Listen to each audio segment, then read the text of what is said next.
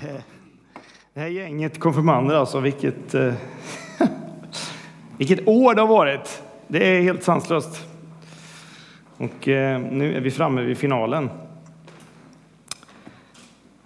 Hur, hur ska man se på det här året?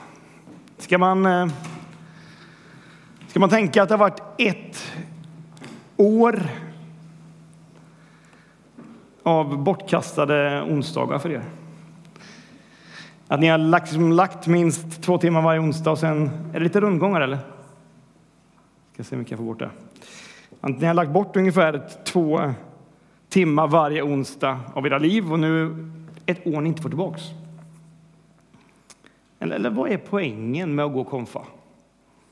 Varför gör man en sån här grej? Vad tänkte ni egentligen? När en av mina söner var fyra år så var han också inne i sin kanske mest intensiva period av frågor i livet. Många bra frågor. Varierande frågor kan man säga. Jag skrev ner några av de anteckningarna från den tiden här innan. Han frågade bland annat pappa, varför finns det myggor? Pappa, kan man äta böcker? Du säger ju att Bibeln är den goda boken. Ja. Pappa, kommer Pippis häst till himlen? Och den bästa, pappa, måste man vara naken för att göra barn? Ja, det är en bra fråga. En av mina absolut favoritböcker är den här. Barn skriver till Gud. Jag kan rekommendera den. Den är bra hela livet. Här finns också en hel del underbara frågor. Lyssna på de här till exempel. Gode Gud, hur kommer det sig att du inte uppfinnit några nya djur på sista tiden? Vi har fortfarande bara de gamla vanliga här hemma. Käre Gud, jag tycker om att gå till kyrkan, men du kunde ju haft mycket bättre musik. Jag hoppas att detta inte sårar dina känslor.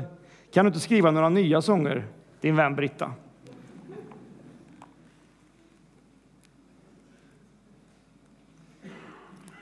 Käre Gud, var kommer alla människor ifrån? Jag hoppas att du kan förklara det bättre än pappa. Käre Gud, blir du arg när du ser plastblommor? Det skulle jag blivit om jag gjort riktiga. Alltså inte våra egna konfirmander som har skrivit de här. Jag vill bara lägga till det. Alltså, inte tror att vi är helt ute på villovägar. Här. här kommer en favorit. Käre Gud, kommer...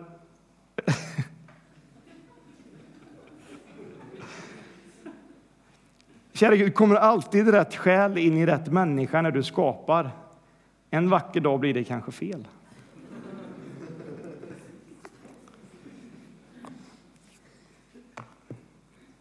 En av de bästa frågorna jag fått var faktiskt av ett barn. Den var så här. Hur kommer det sig att ni blir glada i kyrkan när Jesus dör? Vet du vad det är? Det är spot on på varför vi firar gudstjänst varje söndag. Varför vi har konfirmation överhuvudtaget. Min mormor Margit hon var galet förtjust i ett tv-program som hette Jeopardy. Kanske känner igen det? Alltså hon sa inte Jeopardy, hon sa Geopardy. Jonas, nu ska vi sitta här hemma och så ska vi äta chips och så ska vi kolla på Geopardy. Han är så trevlig den där Magnus Härenstam, vet du. Ni kanske minns Magnus? Det var liksom det här. Jag ger svaren, ni ställer frågorna. Det var så det programmet gick till. Ni ställer frågorna. Och lyssna nu. Så här tror jag att det är i verkliga livet också. Hur då? Jo, att den som precis i Jeopardy, den som ställer de bästa frågorna kommer vinna i slutändan. Det var poängen med Jeopardy, att ställa de bästa frågorna och ta hem priset. Men vadå, ska man, ska man samla poäng? Är det liksom det? Ska vi samla poäng nu, goda poäng, så får vi ett gott liv och så får vi komma till himlen? Nej, inte alls så. Men att vara nyfiken, att vara intresserad, att ställa livets godaste frågor, alltså den som är modig nog att ställa rätt frågor, kommer vinna i längden. Vi fick nyligen bevittna ett ypperligt drama, våra konfirmander. Jag är helt tagen alltså. Vilka gåvor! Ni är grymma hela gänget. En iscensättning av en liknelse som säkert har gjort i otaliga gudstjänster, otaliga konfirmandavslutningar genom årens lopp. En liknelse som Jesus ger oss. Från början till vem? Jo, från början till en person som kommer och vågar ställa en av livets viktigaste frågor. Han frågar Jesus. Vad ska jag göra för att få ett evigt liv? Vad säger egentligen Bibeln? Oavsett om vi tror på Gud här inne eller inte, eller om vi är kristna eller inte, eller vad vi nu är eller inte, så kanske vi ändå kan vara överens om att det är en hyfsat bra och viktig fråga att ställa till någon som potentiellt utger sig för att vara Gud själv. Och svaret han får är följande. Du ska älska Gud av hela ditt hjärta och människor du möter med samma kärlek som du har till dig själv. Det är en nyckel till livet både för honom och för oss idag. Men den där nyckeln den hade liksom blivit fördold nere i djupet om inte han hade vågat ställa frågan. Då hade vi aldrig fått se den där liknelsen gestalta sig på följande sätt i den här konfagudstjänsten. Alltså, varför ska man gå och konfa egentligen? Vad är poängen med att satsa ett år av onsdagar när man är tonåring? Här kommer mitt svar. Därför att alla människor behöver ett utrymme av tid och rum där de godaste frågorna i livet får ställas utan att man blir förlöjligad eller kallad tokig. För helt ärligt, om du slänger upp de här frågorna på lunchrasten på jobbet eller på skolan, vad säger människor då? Vi lever i ett samhälle, om vi ska vara riktigt ärliga nu, där vi helst av allt inte pratar med varandra om det som är det allra viktigaste att prata om. Det ska hållas privat. Jag, jag satt i onsdags kväll på våran, vi hade en fest för konfirmanderna med närmsta familj och så satt jag kvar och pratade med några av er föräldrar. Väldigt spännande samtal. Och de här föräldrarna hade inte bott i Sverige särskilt länge. Men jag frågade bland annat om de hade hunnit lära känna svensk kultur. Jo, det är lite grann, sa de. Då har ni säkert lärt er så vilka frågor man inte får ställa i Sverige i kafferasterna. Som till exempel, jaha, och vad tjänar du i lön nu för tiden? Det kan bli en sån här liten eh, pinsam tystnad på den, va? Eller ska vi köra en liten test i kyrkan? Hand upp ni som röstade på... Nu blir ni nervösa här, eller hur? För vi får inte avslöja valhemligheten, eller hur? Vi ska gå tysta med den. Och om du vill verkligen skapa tystnad på lunchrasten, då ska du smyga fram frågan Tror du, tror, tror, tror, tror du på Gud? Då blir det jobbigt på riktigt. Kanske är det så att vi har privatiserat livets viktigaste frågor i rädslan för att stöta oss. Vi vill inte vara någon, liksom, vi vill inte stöta till någon. Och kanske vill vi heller inte avvika i mängden. Vi, liksom, vi vill vara mainstream som svenskar så här. Gå i follorna. Och så vandrar vi runt liksom i livet med nästan ett stort plåster på munnen så här. När det kommer till de viktigaste frågorna. Det, det är pass på den. Men i konfan finns inga dumma frågor. Och tro mig, vi har fått många frågor. Om kyrkan och konfan för 50 år sedan, kanske när du var ung, som är här idag, några av er, eller du som följer detta via webben. Kanske var det så att när du var ung och gick på konfirmation så handlade konfan om att ställa sitt liv i ett läge där man kunde svara rätt på frågorna. Och Det tror jag för all del är kyrkans roll idag också, att, att ge svar. Men kanske snarare skulle jag säga att, att kyrkans roll idag handlar om att ge utrymme för människor, för er som är här, för er som är med, för er ungdomar, att ställa de goda frågorna någonstans. För helt ärligt, var ska vi ställa dem annars? Om inte det här. Vilka frågor är det? Jo, det är frågor som vad är en människa egentligen? Finns det en Gud? Och hur ser han ut i sådana fall? Om Gud är god, varför finns det ondska i världen? Jag menar, bryr han sig inte om det som händer i Ukraina just nu? Var ska vi ställa den frågan om inte vi kan ställa den här? Vad är meningen med mitt liv egentligen? Vem törs stanna upp inför den frågan? Vi brukar säga att livets match pågår här i konfan. Alltså den pågår inte bara i konfan, utan den, den pågår i allas våra liv. En metafor för hur livet kan vara. Frågan är, ju, som vi brukar också ställa till allihopa, vilken period spelar du just nu i, i ditt liv? Är du i första perioden? Någonstans mellan 1 till 30 år kanske? Spelar du andra perioden? Någonstans mellan 30 till 60 år? Eller har du kommit in i tredje perioden? 60 till uppåt år. Och Det är så lätt att tänka att först går man från första perioden till andra perioden till tredje perioden och så är livet så. Och så någonstans där är det slut sen. Men det finns inga garantier i livets match på att det blir tre perioder. Jag träffade en mamma igår som hade fått en dotter som fötts med Downs syndrom, var nära att stryka med. Och när hon var fyra år fick hon leukemi. Livet är skört. Ibland drabbas vi av det oväntade och fruktansvärda. Ibland blir det sudden death i livet. Det är inte säkert det blir tre perioder. I mitt eget liv förra veckan fick jag begrava en av mina bästa vänner. Väldigt, väldigt plötsligt. Det är livet. Det finns inga garantier. Jag tror att ni har gjort rätt som har gått på konfa och ställt de goda frågorna i livet. Frågor som kanske också tar er framåt. För grejen med kristen tro måste vara att kristen tro tål att ifrågasättas. Det måste handla om att Jesus tål våra frågor. Det hade varit enkelt för Jesus att bara gå runt och spotta ur sig bra svar hela tiden. Han kunde ha pekat med ena handen, gör så, gör så, gör så. Men han gjorde inte det. Han, han var liksom inte en dåtida Magnus Härenstam som spelade Jeopardy med människor. Fast på ett sätt så påminde han om programmet.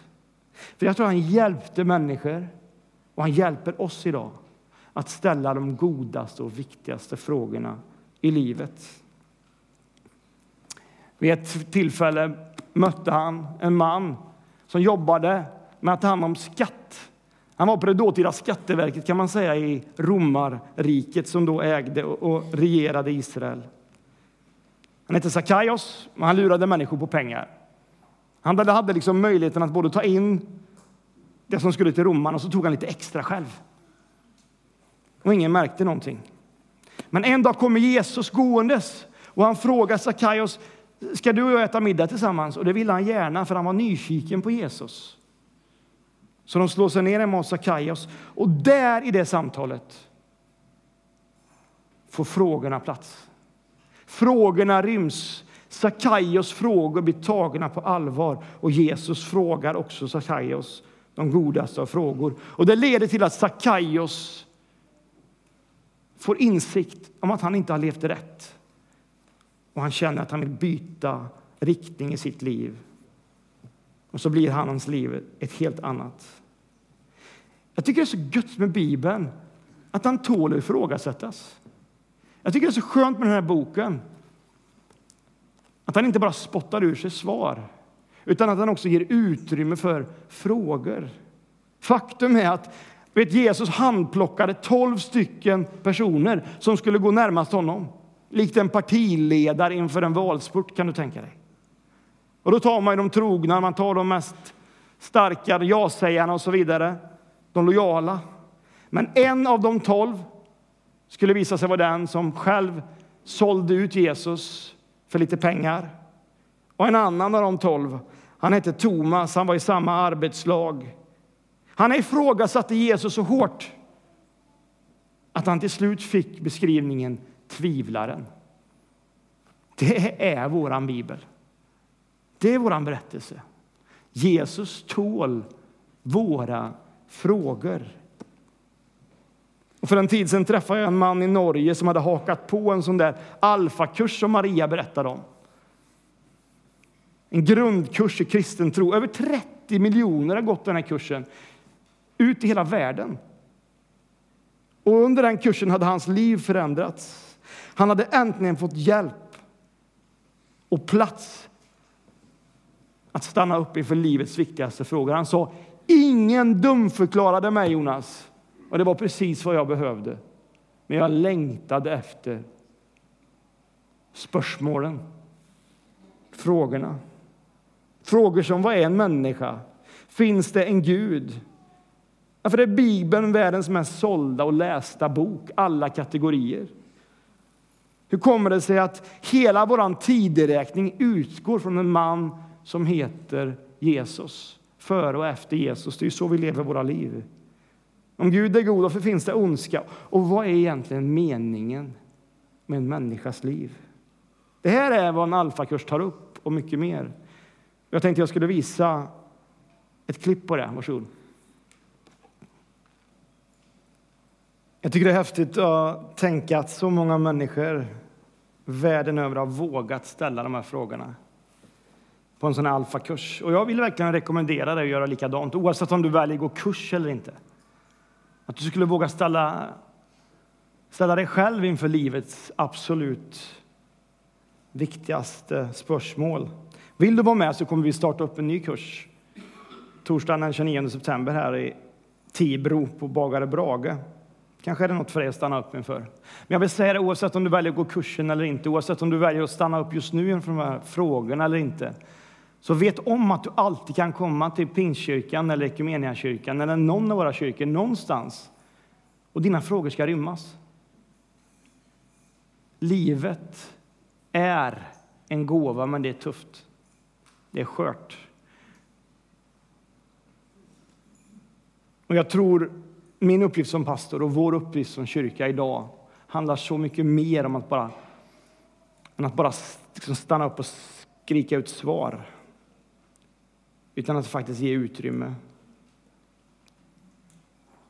Men det räcker inte att bara stanna upp inför det när man är 14-15 år på ett konfaår fast att ni har varit modiga och gjort det. Man behöver göra det fler gånger i livet.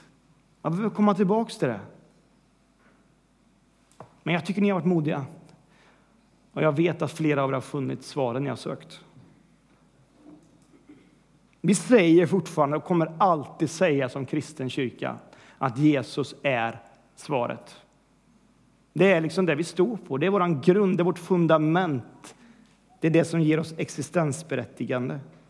Att Jesus är Gud som blev människa för att älska oss in i himlen. Så att du får ta emot förlåtelse och evigt liv om du tror på honom. Det är vårt svar. Men du, bara den som vågar utmana sig själv på lite Jeopardy kommer också förstå varför.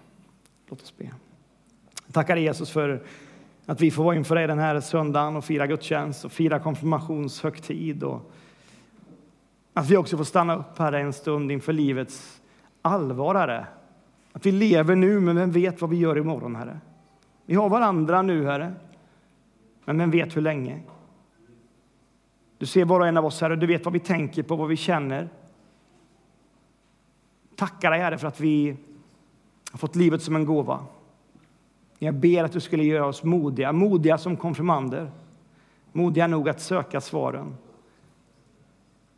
på frågor som vi ibland skjuter undan och tänker det tar vi sen, det gör jag sen.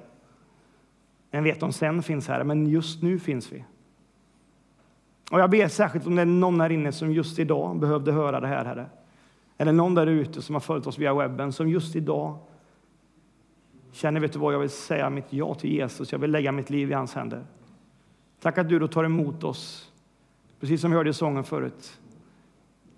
Ett välkomnande hem, det är vad vi får av dig. Inte en fördömelse, inte en du duger inte eller kom tillbaks när du har liksom gjort lite mer av ditt liv. Tack Jesus för att du är gränslös i din kärlek och tar emot oss just nu. Välsigna var och en som är här och lyssnar eller någon annanstans. I Jesu namn. Amen.